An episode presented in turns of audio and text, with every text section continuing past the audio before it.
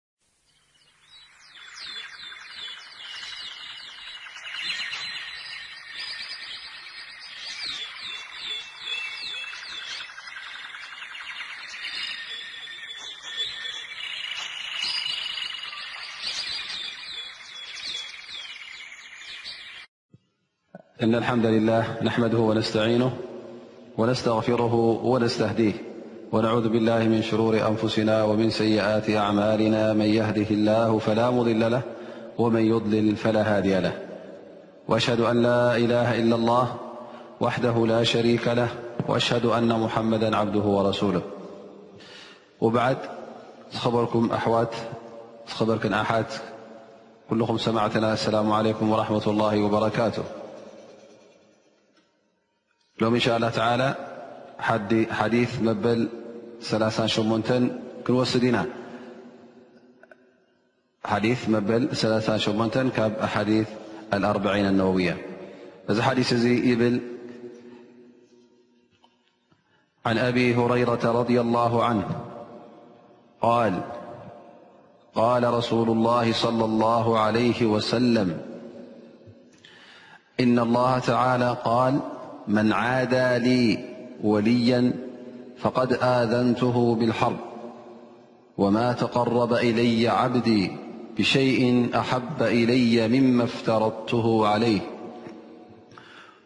وما يزال عبدي يتقرب إلي بالنوافن حتى أحبه فإذا أحببته كنت سمعه الذي يسمع به وبصره الذي يبصر به ويده التي يبطش بها ورجله التي يمشي بها وإن سألني لأعطينه ولئن استعاذني لأعيذنه رواه البخاري ذ حدث حر بل ترن كبنتأخينا النبي صلى الله عليه وسلم الله ስبሓنه ول ከمዙ ኢሉ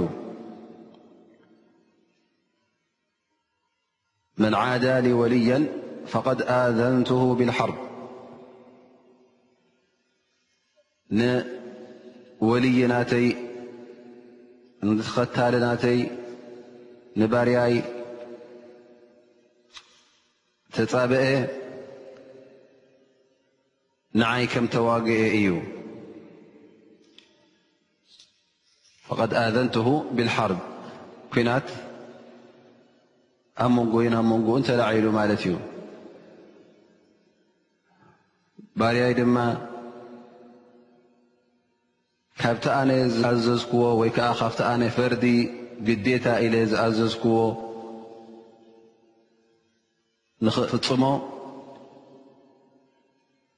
እንተፈጺሙ እዚ እቲ እተፈትወ ነገር እዩ ናባይ ባርያይ ድማ ኩሉ ግዜ ናባይ በቲ ዝፈትዎ በቲ ኣምልኾት ብዝያዳ ድማ በቲ ሱናታት ናባይ ክቐርብ ይፍትን ድማ ክሳዕ ኣነ ዝፈትዎ ሽዑ ኣነ ምስ ፈተኹዎ ናቱ ሰማዒ ይኸውን ሰምዐሁ ለذ የስምዑ ብ ብ እዚኣ እታ ትንተና ናታ ብሰፊሑ ክንገልፃ ኢና ላኪን እቲ ማዕና ናታ ኣነ መስምዒኡ እኸውን ከምኡ ውን መርኣይኡ ይኸውን ከምኡ ውን እታ እትንቀሳቀስ ኢዱ ይኸውን ከምኡ ውን እታ እግሩ ላዕልን ታሕትን ዝበለላ ወይ ከኣ ዝኸደላ እግሩ ይኸውን ሽዑ ድማ እንተ ሓቲቱኒ ክህቦ እየ እንተ ደኣ ተዓቂቡ ናባይ እውን ክዕቅቦ እየ ኢሉ ኣላ ስብሓን ወተዓላ እዚ ሓዲስ እዚ ኢዘን ሓዲ ቁድሲ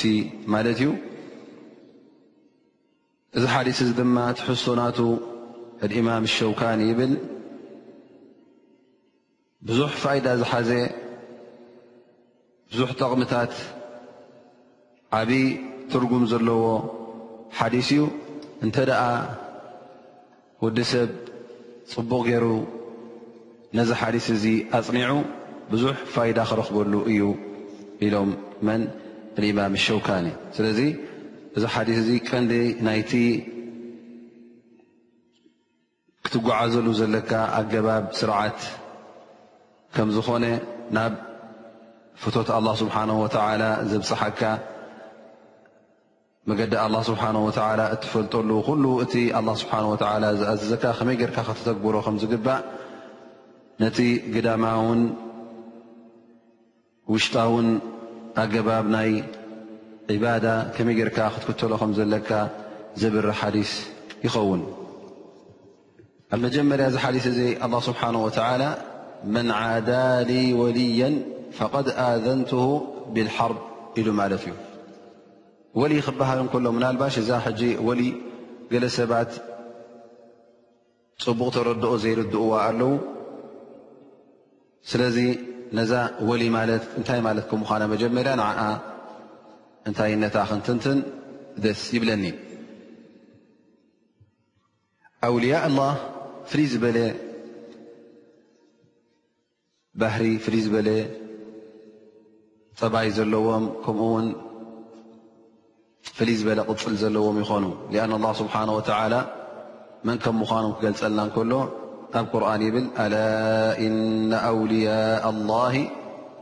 ላ ኸውፍ ዓለይህም ወላ ሁም ያሕዘኑን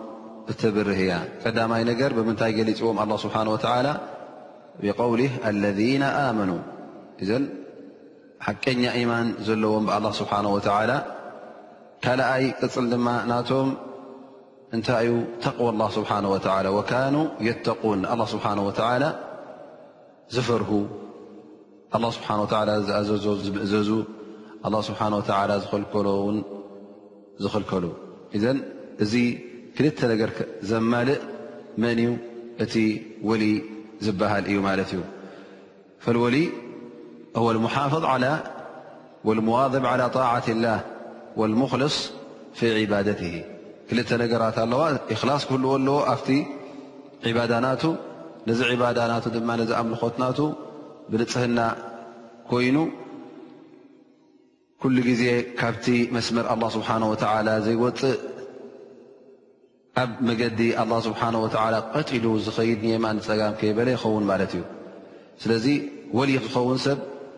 ፍሉያት ሰባት ኣይኮኑን እንታይ ደኣ ኩሉ ወዲ ሰብ ወልዪ ምን ኣውልያ ኣላህ ስብሓነሁ ወተዓላ ክኸውን ዕድል ኣለዎ ማለት እዩ። ኣብዚ ውላያ ናይ ኣላህ ስብሓነሁ ወተዓላ ንክኣቱ ኩሉ ሓደ ዕድል እዩ ዘለዎ ምኽንያቱ ኣላህ ስብሓነሁ ወተዓላ ነዛ ውላያ እዚኣ ንክትረክብ ወልይ ክትከውን ንክትበሃል ናብ ኣላ ስብሓን ወተዓላ ዝቐረበ ሰብ ክትከውን እንተ ኮይንካ እዘን ክልተ ነገራት ትማላእ ኢማን ክህልወካ ኣለዎ ቕኑዕ ኢማን ሓያል ኢማን ፅኑዕ ኢማን ፅኑዕ እምነት ማለት እዩ ኣብ ርእሲኡ ድማ ኩሉ ግዜ እቲ ጉዕዞኻ እቲ ምንቅስቓሳትካ ካብቲ ኣላ ስብሓን ወተዓላ ዝኣዘዞ ክወፅእ ይብሉን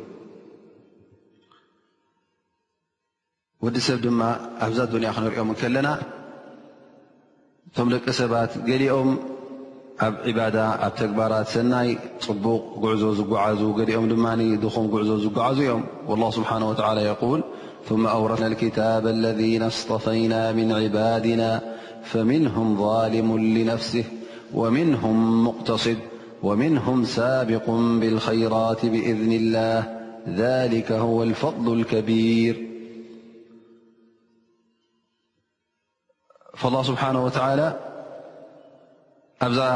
ኣያ እዚኣ ንደቂ ሰብ ኣብ ሰለስተ መቒልዎም ማለት እዩ። እቶም ቀዳሞት ኣዛሊሙ ሊነፍሲ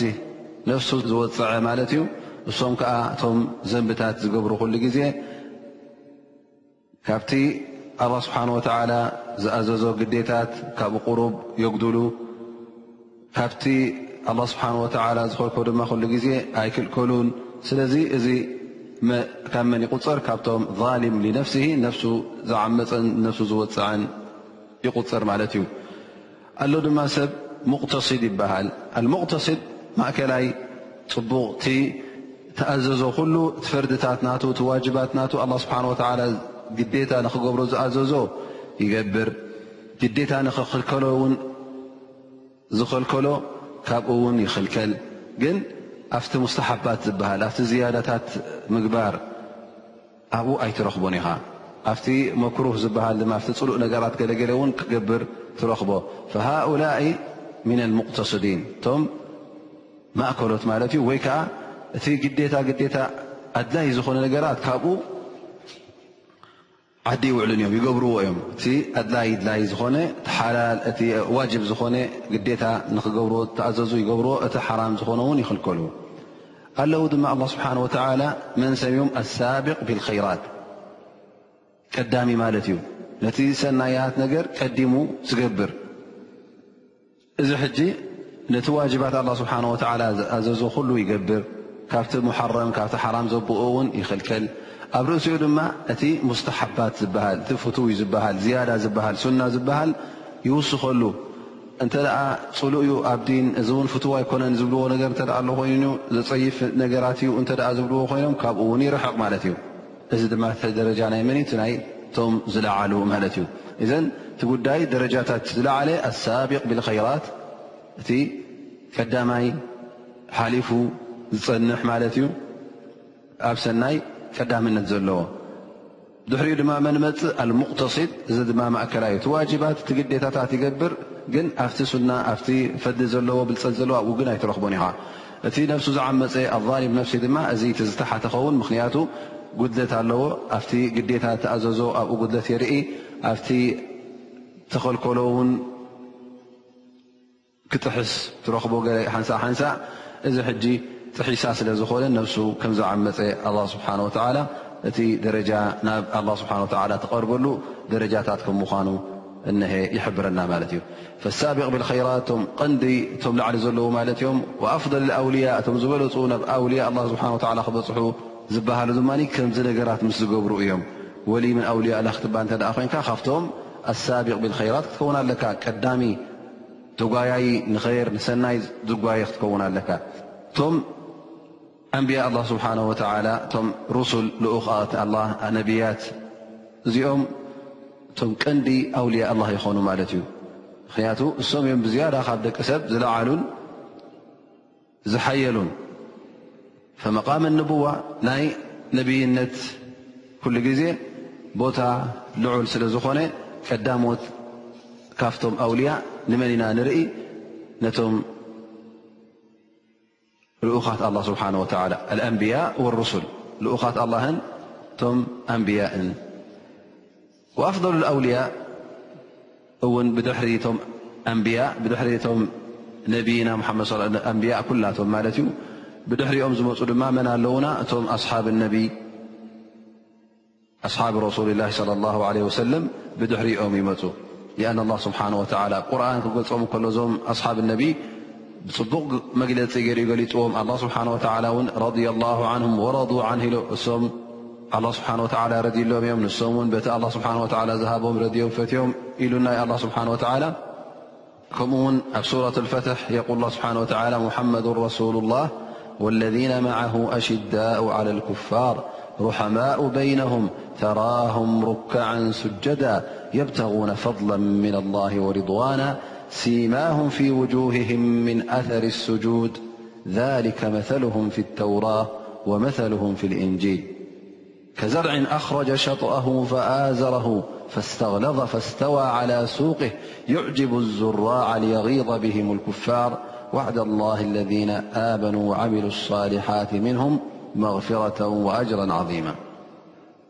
ኣላህ ስብሓን ወተዓላ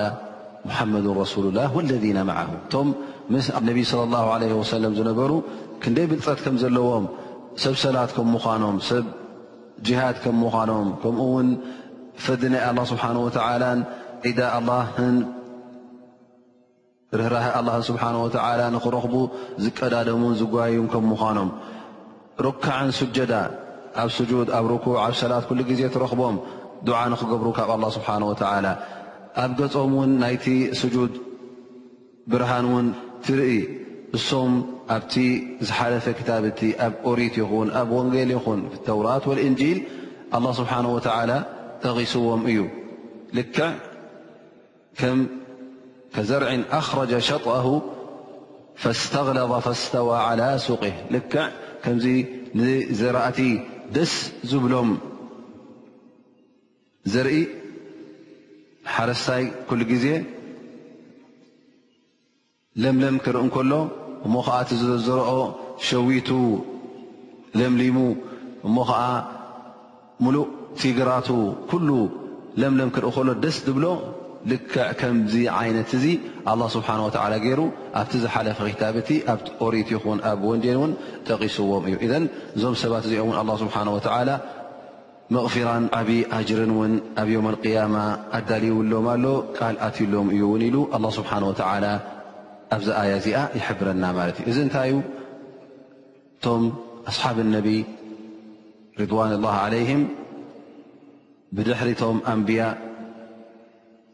ደረጃ ናይ ኣውልያ ከም ዘለዎም ብኣላህ ስብሓን ወተዓላ ፍትዋት ከም ምዃኖም ኣላህ ስብሓን ወተዓላ እውን ንዕኦም ዓብዪ ደረጃ ኣዳልሎም ከም ዘሎ ኣብ ዮም ኣልቅያማ ዘብርህ ይኸውን ማለት እዩ ስለዚ እንተ ሓደ ካባና ወልይ ክኸውን ደሊ ኮይኑ እቲ ዕድል ክፉት እዩ ንቁርን ንሱና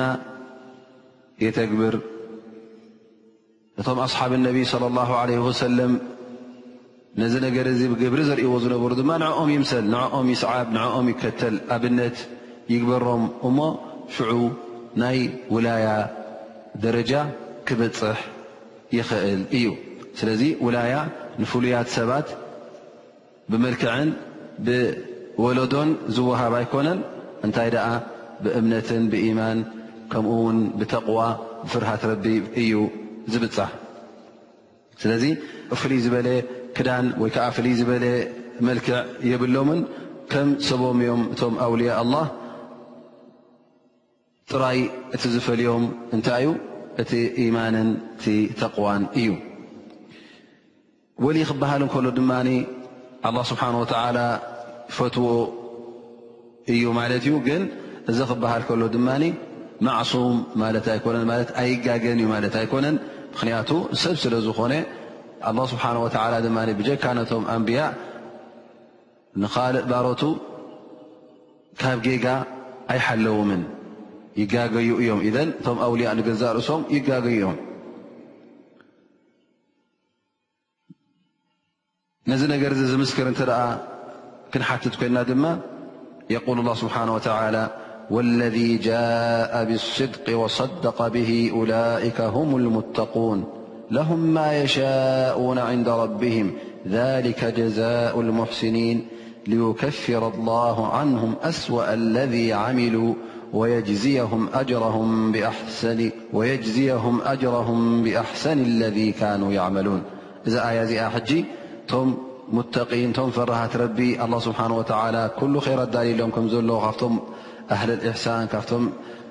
ገበርቲ ሰናይ፣ ሰብ ሰናይ ኢሉ ጠቒስዎም ዘሎ ኣላ ስብሓን ወተዓላ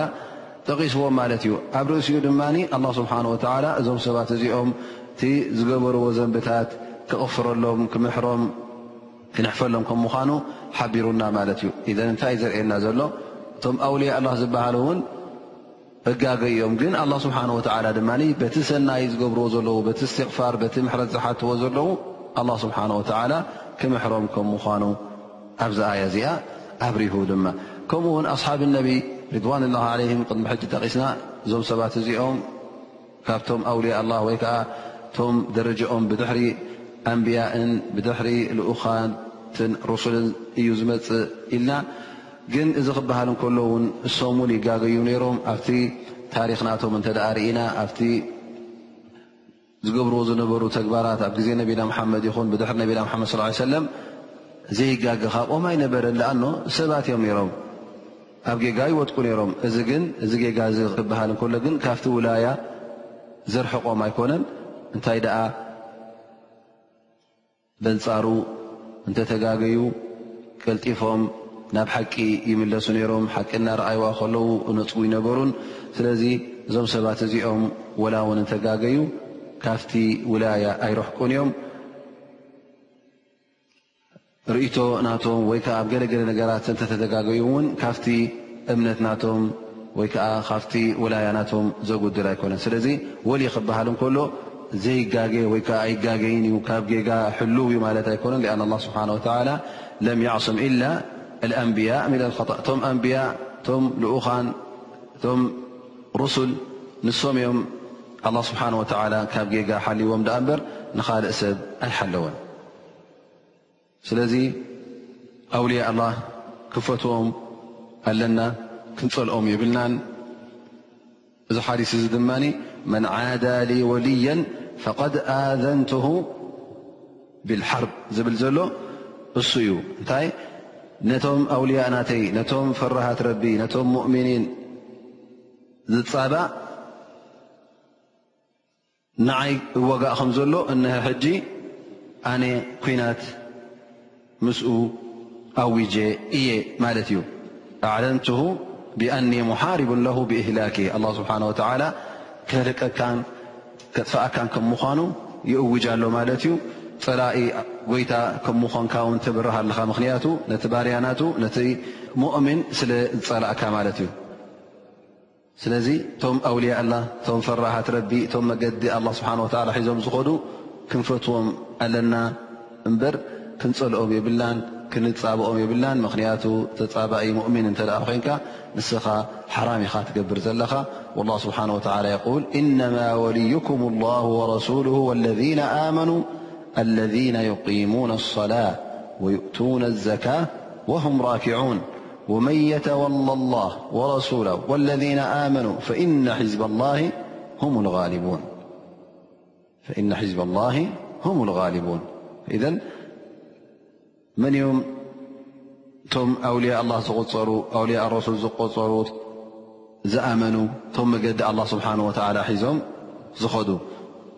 እቶም ሰብ ኢማን እቶም ሰላቶም ዘቑሙ እቶም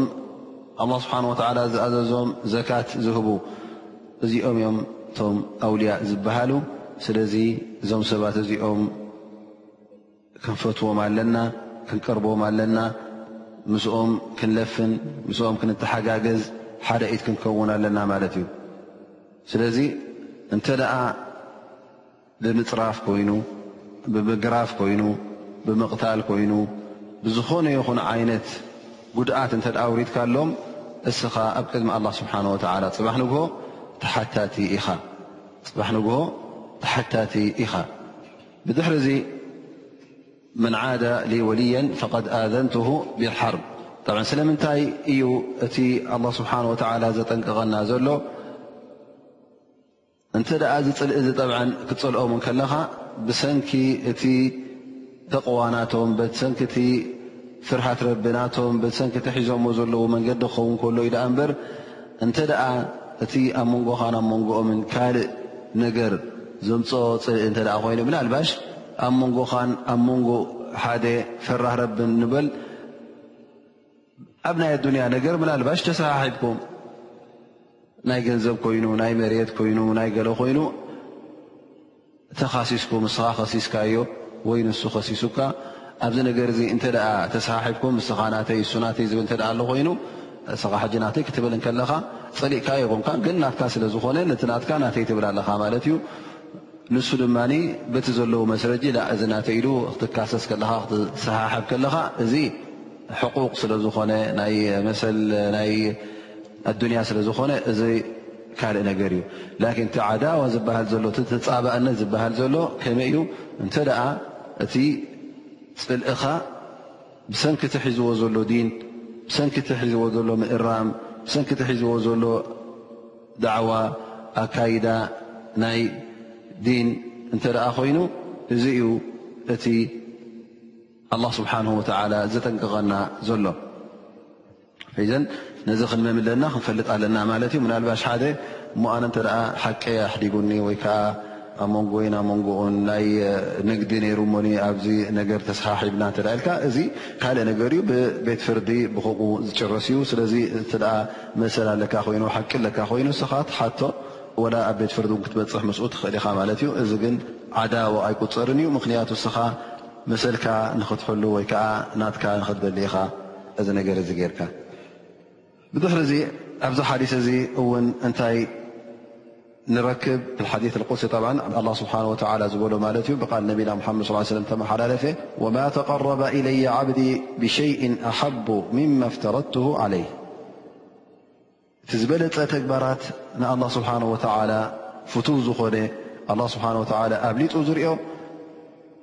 እቲ ዋጅብ ፈርዲ ኢሉ ዝኣዘዘካ እቲ ግዴታ ኣላ ስብሓን ወተላ ግበሮ ኢሉ ዝኣዘዘካ እንተ ደኣ ጌርካ እዚ እዩ እቲ ኣላ ስብሓን ወተዓላ ዝፈትዎ ፍቱ ኮይኑ ቅቡል ዝኸውን ኣብ ቅድሚ ኣላ ስብሓን ወተዓላ ንኣብነት ኣላ ስብሓን ወተዓላ ሰላት ስያም ፆም ዘካት ሓጅ እዚ ኩሉ እንታይ ገይሩና ማለት እዩ ዋጅብ ፈርዲ ገይርዎ ማለት እዩ እሞ ነዚ እንተ ጌርካ እዚ እቲ ዝዓበየ ጉዳይ ኢኻ ትገብር ዘለኻ እሱይ ድማ እቲ ዝበለፀ ተግባር ኣላ ስብሓን ወተላ እውን ብሰንኩ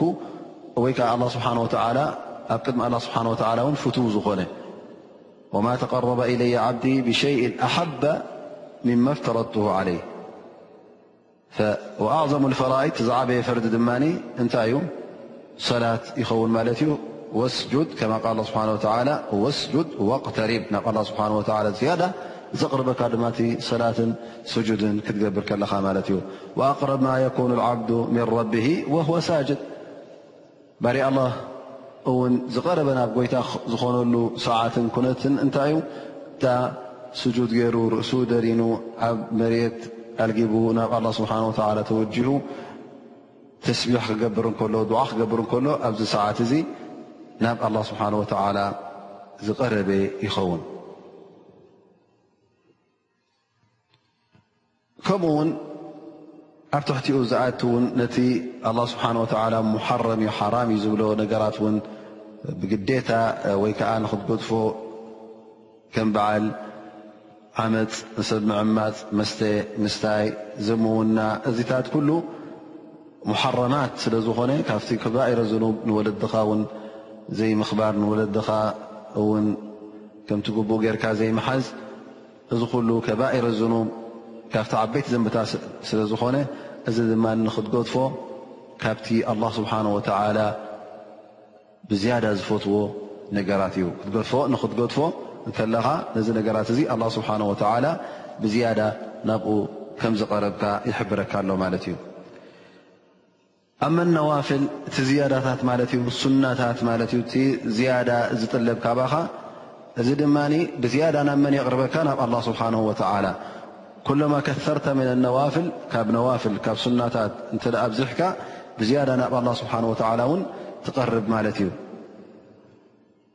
ሱና ጌርካ ወይ ከኣ ነዋፍል ክበሃል እንከሎ ድማ መዓስ ኢኻ ነዚ ነዋፍል እዚ እትገብሮ?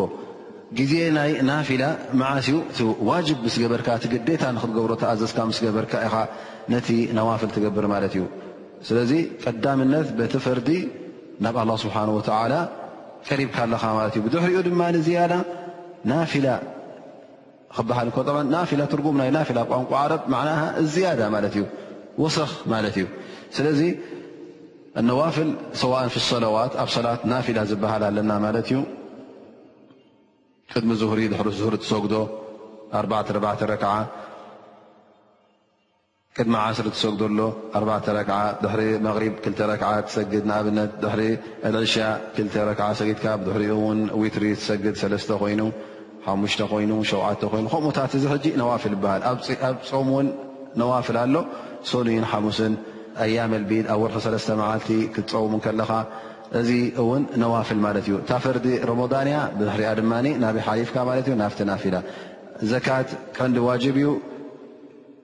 ሰደቓ ድማ ትህብ ማለት እዩ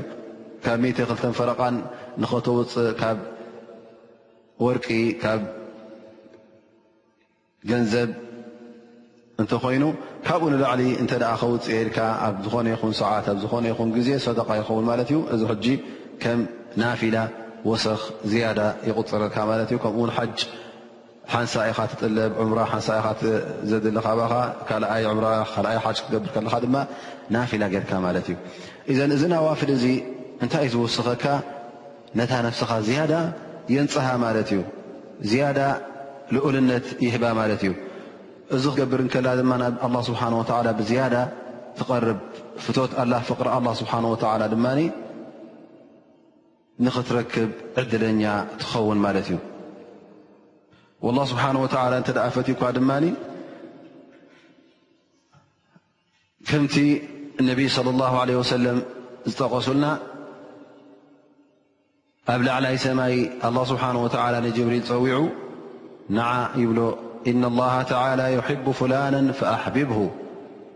ጎይታኻ ኣላህ ንፍላን ንኽስቶ ወዲ ክስቶ ይፈትዎ እዩ እሞ ያ ጅብሪል ንስኻ እውን ፍተዎ ይብሎ ኣላ ስብሓን ወተዓላ ፈጅብሪል ይፈትዎ ማለት እዩ ድሕሪኡ ድማ ጅብሪል ይፅውዕ ፈዩናዲ ፊ ኣህሊ ሰማእ እቶም ኣብ ሰማይ ዘለዉ ኩሎም መላእካታት ፃውዒት የመሓላልፍ ኣላ ስብሓን ወተዓላ ንኽስቶ ወዲ ክስቶ ይፈትዎ እዩሞኒ ኣንቱም ኣብ ሰማይ ዘለኹም ኩልኹም ንዕኡ ፍተውዎ ነዚ ኣላ ስብሓን ወላ ዝፈትዎ ይብሎም እሶም ከዓ ይፈትዎ ثመ ይውضዕ ለ ቀቡሉ ፊ ኣርض ኣብ ሰማይ ዘለዉ ኩሎም ምስ ፈተዎ ድማ ኣብ መሬት እውን እዚ ኣላ ስብሓን ወላ ዝፈተዎ ሰብ ተቐባልነት ይረክብ ث فإذ ኣحه كنت سمعه الذي يسمع به وبصره الذي يبصر به ويده التي يبطش بها ورجله التي يمشي بها ذ حجي نتي ملت ي ت فت الله سبحانه وتعل محبة الله سهالله سبحانه وتعالى مس فتوك زركب ትርፊ እዩ። እዚ ትርፊ እዚ እንታይ ይኸውን ከምዛ ዝቐረኣናዮ ይኸውን ማለት እዩ። ግን ዑለማ ነዚ ሕጂ ብዙሕ ዓይነት ትንተና ሂቦሞ። እንታይ ማለት እዩ ኣላ ስብሓን ወተዓላ ኩንቱ ሰምዐሁ ለذ የስማዑ ብሂ ኣነ እቲ ዝሰምዓሉ ይኸውን፣ እታ ዝርእየላ ዓይኒ ይኾኖ፣ እታ ኢዱ ዝሃርመላን ዝንቀሳቐሰላን እኸውን፣ እታ እግሩ ዝኸደላን እኾነሉ ኢሉ ኣላ ስብሓን ወተዓላ። እንታይ ማለት እዩ ኸምዚ? ነዚ ነገር እዚ ዑለማ ሓደ ክልተ ጥራይ ዘይኮነ ብዙሕ ዓይነት ትርጉም ሂቦምሉ ማለት እዩ። ፈቃሉ ኣነ ዓይኑን እዝኑን ይኾኖ እዚ ክበሃል እንከሎ እቲ ኣነ ዝኣዘዝክዎ ኩሉ ግዜ ቀዳምነት ስለ ዝህብ ምእዘዛይ ይፈቱ ንዓይ ከገልግል ድማ ይጓየ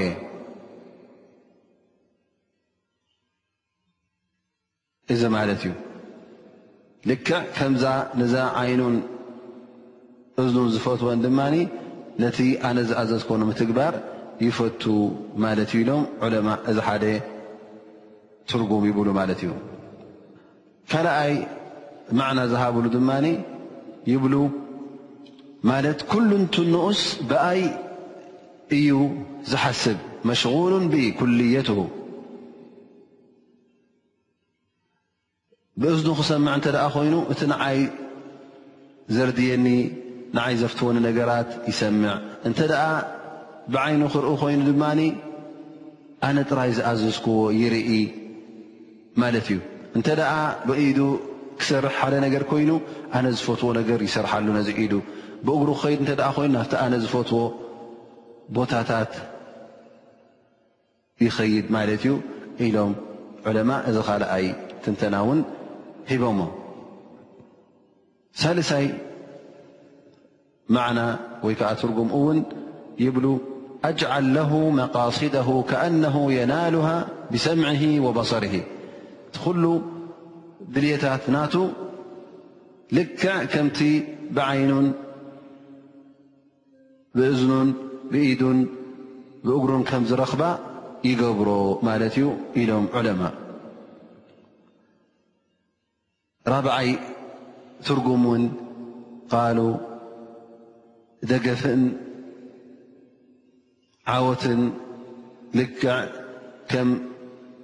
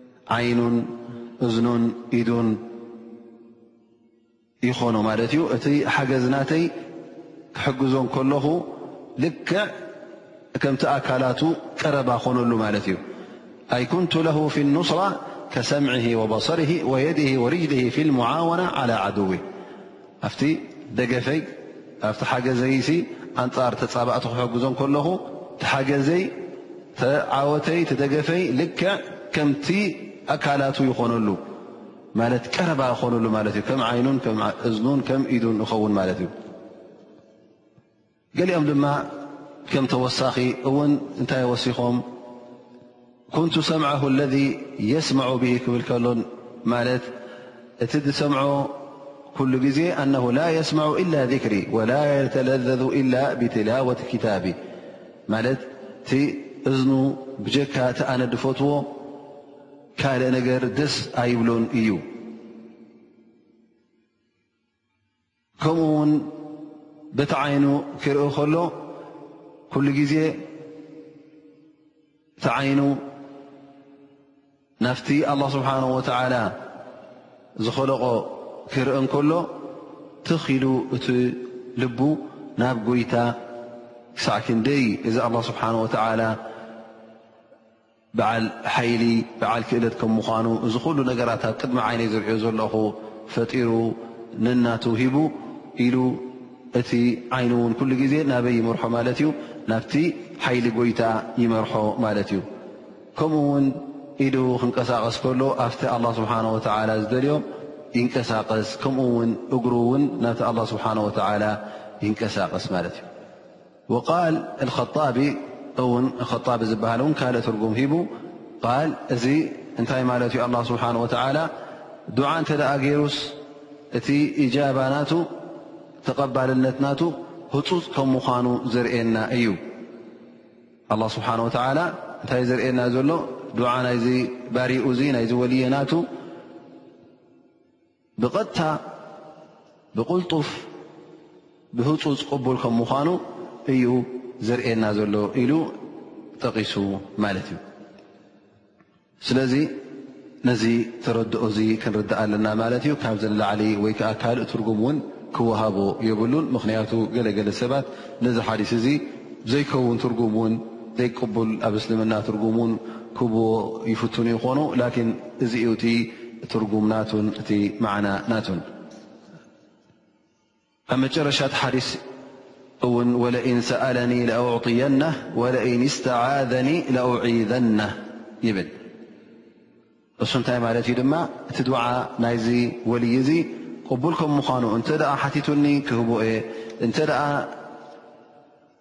ዑቕባ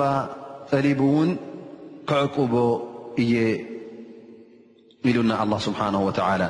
ስለዚ ኣልወልይ ሙስተጃብ ዳዕዋ ትፈራህ ረቢ ትበዓል ኢማን ኩሉ ግዜ ኣላ ስብሓን ወተዓላ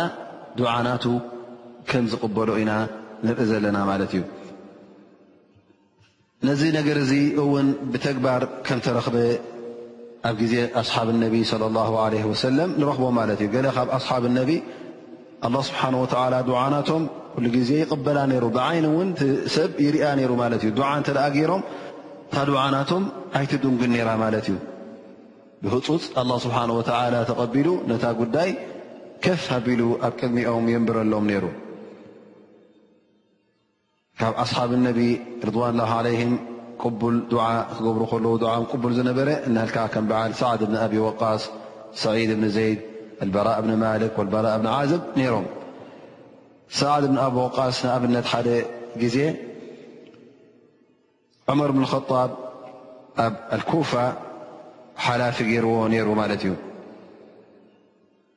ኣብኡ ሓላፊ ምስ ኮነ እቶም ዓዲ ይጠርዕዎ ማለት እዩ ናብ ሰይድና ዑመር እብን ጣብ መፅኦም ያ ከሊፈተ ረሱልላህ እዚ ጌርካልና ዘለካ ሓላፍቲ ኣብቲ ዓድና ኣብታ ከተማናስ ወላ ሰጊዱ ከማን ፅቡቕ ገይሩ ኣየስግደናን እዩ ኢሎም ብዙሕ እናተዛረቡ ይኸስዎ ነይሮም ማለት እዩ ይጠርዑ ነይሮም ዑመር ብን ጣብ ረ ላ ን ንሰዓድ ፀዊዑ ያ ሰዓድ እዞም ስብ ዓዲ እንታይ ኮይኖም እዮም ንዓኻ ዝጠርዕሉ ዘለዉ እንታይ እዮም ኮይኖም ዝኸሱኻ ዘለዉ ናብይ መፅኦም ክንደሻዕ ተዛሪቦምኒ እሞ ኣሓ ወላ ኣብቲ ሰላት ከማን ጽቡቅ ጌርካ ተስግዶም የለኻን ኢሎም ኢሉ ተዛሪቡ ማለት ሳዕድ ብን ኣቢ ወቃስ ኣማ ኣና ወላሂ ፈእኒ ኩንቱ እሰሊ ብህም ሰላተ ረሱሊ ላ ለ ላ ለ ኣነ ክሰግድ ከለኹ ልክዕ ከምታ ካብ ነቢና ሙሓመድ ለ ላ ለ ሰለም ዝረኣኹዋ ሰላት ገይርአ ዝሰግድ ነይረ ካብኡ ዝያዳ ወይ ከዓ ጎድሮ ዝገበርክዎ የለን ኢሉ ተዛሪቡ ማለት እዩ ከምዚ ኢሉ ምስ መለሰ ኣነ ውን ከምቲ ዝርድኣኒ ኣነ ፈልጠካ እየ ከምዚ ኢኻ ንስኻ እውን ግን እቲ ክሲ ከምዚ ዝበልኩኻ እዞም ሰባት እዚኦም መፅኦም ኣለዉ እሞ ከሲሶምኻ ፈዑመር ብልኸጣብ ነዚ ነገር እዚ ንኸፃርዩ ሰብ ልኢኹ ማለት እዩ ናበይ ንኩፋ ኣብ ኩፋ ከይዶም ሕጂ እንታይ ገብሩ ማለት እዩ እዞም ዝለኣኾም ነዚ ነገር እዚ ከጻርዩ ዝለኣኾም መስጊድ መስጊድ እናኸዱ ይሓቱ ነይሮም ማለት እዩ። ሳዕድ ብን ኣብ ወቃሲ እንታይ ገይሩኩም እንታይ ጎደሎ ርኢኹምሉ እንታይ ኣለዎ ሽግር ኢሎም ይሓቱ ነይሮም። ኣብ ኩሉ ዝኣተዉ መስጊድ ፅቡቕ መልሲ ይረኽቡ ነይሮም ማለት እዩ። ዋላ ሓንቲ ፅቡቕ እዩ ዘሎ ምሳና ሓንቲ የብልናን ኢሎም ፅቡቕ መሊሶም ማለት እዩ። ኣብ ግን ሓንቲ መስጊድ ናይ በኒ ዓብስ ነይራ ኣብኣ ከይዶም ምስ ሓተቱ ሓደ ኡሳማ እብን ቀታዳ ዝበሃል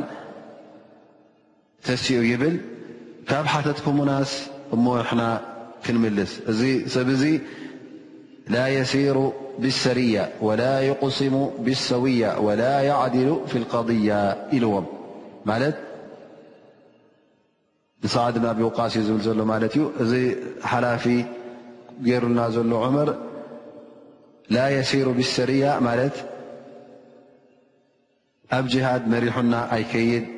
ከምኡ ውን ትዝመፅእ ትዝወሃብ ፅቡቕ ገይሩ ኣይመቕለና ክፈርድ እንከሎ ድማ ፅቡቕ ገይሩ ኣይብይን ማለት ፍትሒ ገይሩ ኣይፈርድን እዩ ፍትሒ የብሉን ኢሉ ተዛሪቡ ማለት እዩ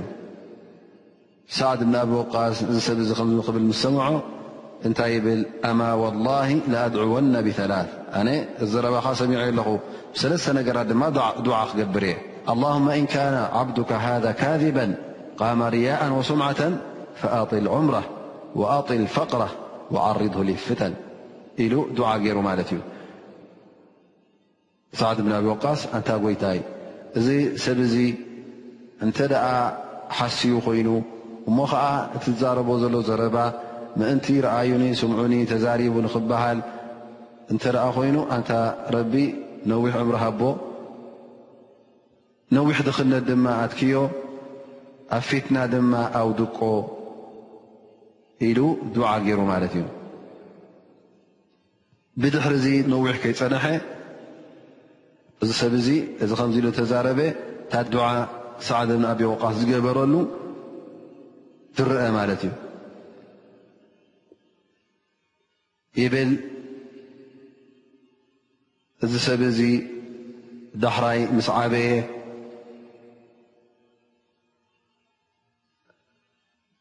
ኣብ ኩፋ ኣሪጉ ብድኽነት እናነበረ ከሎ እንታይ ይብል ነይሩ ሸይኹ ከቢር መፍቱን ኣሳበትኒ ዳዕወቱ ሰዓድ ናሃልኩም ኣነ ዓብ ሰብ ሽማግሌ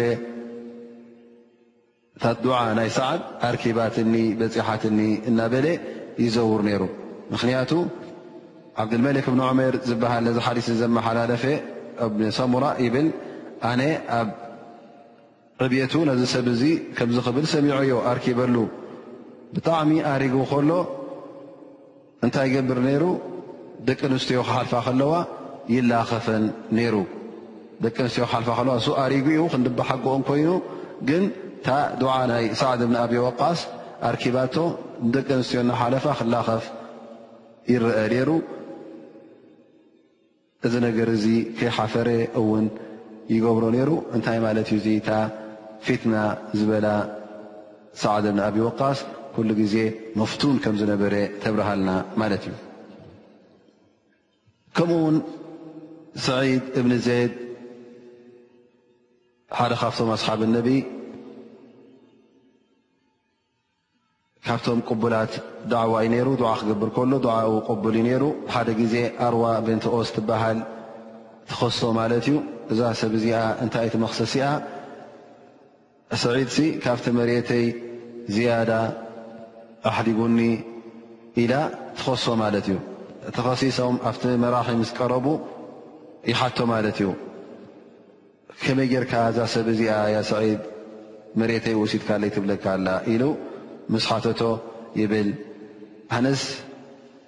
ብድሕርቲ ካብ ነቢ ሙሓመድ صለ ላሁ ለ ወሰለም ዝሰማዕክዎ ቃል መሬት ናይ ሰብ ክወስድ ኢሉ ይዛረብ እንታይ ሰሚዕካ ካብ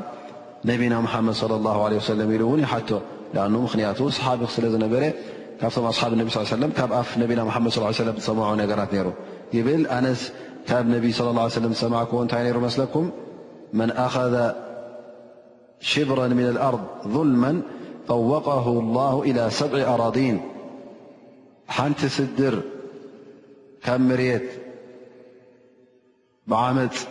ዝመንጠለ ኣላህ ስብሓን ወተዓላ ኣብ ዮም ኣልቅያማ ሸውዓተ መርየት ኣብ ብክሳዱ ክሓንቆ እዩ ስለ ዝበለ ከመይ ገይረ ኣነ ይወስድ ዘይናተይ ኢሉ ይዛረብ ማለት እዩ እቲ ሓላፊ መርዋን ዝበሃል እዩ ነይሩ ነዚኣ ነገር ምስ ሰምዐ ላስ እዚኣ ካብ በልካ ኣነ እውን መርትዖ እንታይ ኣለካ መስረጂ እንታይ ኣለካ ኢለ እውን ኣይሓተካን እዩ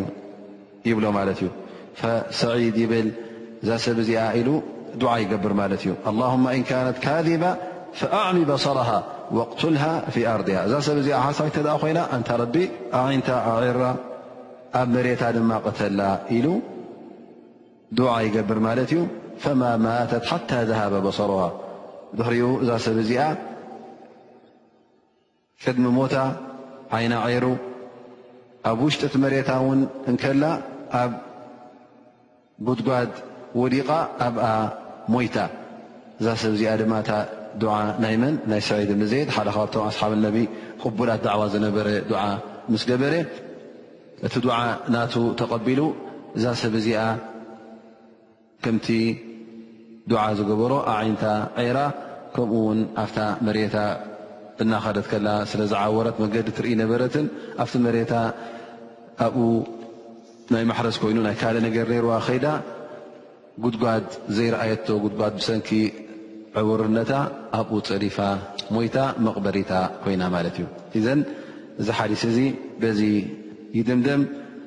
ኣስኣል ላ ስብሓን ወተላ ኣን የንፈዓና ብማ ሰሚዕና ወኣን የጅዓለሁ ሑጀተን ለና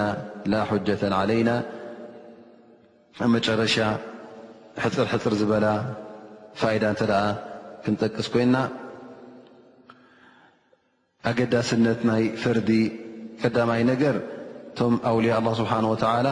መን ከም ምዃኖም ተረዲእና ማለት እዩ እቶም ኣውልያ ዝበሃሉ እቶም ብሓቂ ፅኑዕ እምነትን ሰናይ ተግባርን ትእዛዛት ኣላ ስብሓን ወተዓላ ዝኽተሉ ከም ምዃኑ ሓቢርና ካልኣይ ድማ ፈርዲ እቲ ዋጅብ ቀዳምነት ከም ዘለዎ ንዕኡ ከይገበርካ ናፍቲ ናፊላ ናፍቲ ሱና ክትሓልፍ ከም ዘይትኽእል እንተ ደኣ ንዕኡ ጌርካ እቲ ናፊላ ትገብር ካብቲ ነዋፍል ካብቲ ሱና ምስ ኣብዛሕካ ድማ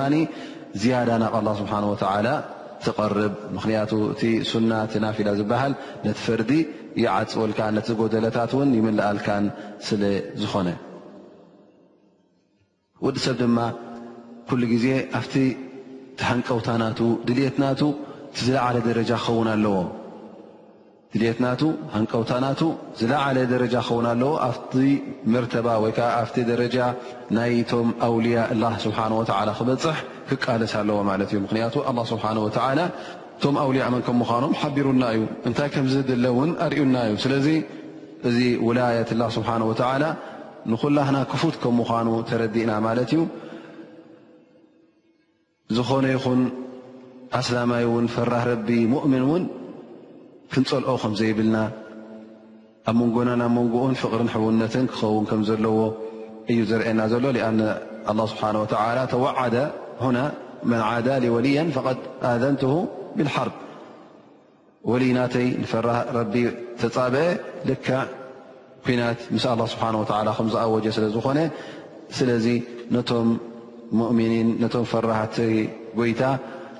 ነቶም ፈራሃት ረቢ ክንጎድኦም የብልናን ከነሸግሮም ውን የብልናን ምኽንያቱ ፍቕሮምን እቲ ፍቶት ናቶም ውን ፍቶት ናይ ኣላ ስብሓን ወተላ ስለ ዝኾነ ንዕኦም ክትፀልእ ከለኻ ድማ ንጎይታ ከም ዝፀላእካ ኢኻ ምኽንያቱ እዞም ሰባት እዚኦም ካብቲ ትእዛዛት ኣላ ስብሓን ወተላ ፈልከት ዘይብሉ ሙእሚኒን ስለ ዝኾኑ እቲ ተግባሮም እንተ ጸሊእካ እሶም ንጎይታ ኸርድዮም ዝገብርዎ ዘለዉ እሞ እስኻ እቲ ንጎይታ ዘርዲ እንተ ጸሊእካ እንታይ ማለት እዩ ንጎይታ እውን ኣይትፈትዎን ኢኻ ማለት እዩ ኣቁሊ ቀውሊ ሃ ወሰለ ኣላሁ ዓላ ነብይና ሙሓመድን ወዓላ ኣሊ ወሳሕብሂ ወሰለም ኣጅማዒን በዚ ደርስና ተወዲኡ ማለት እዩ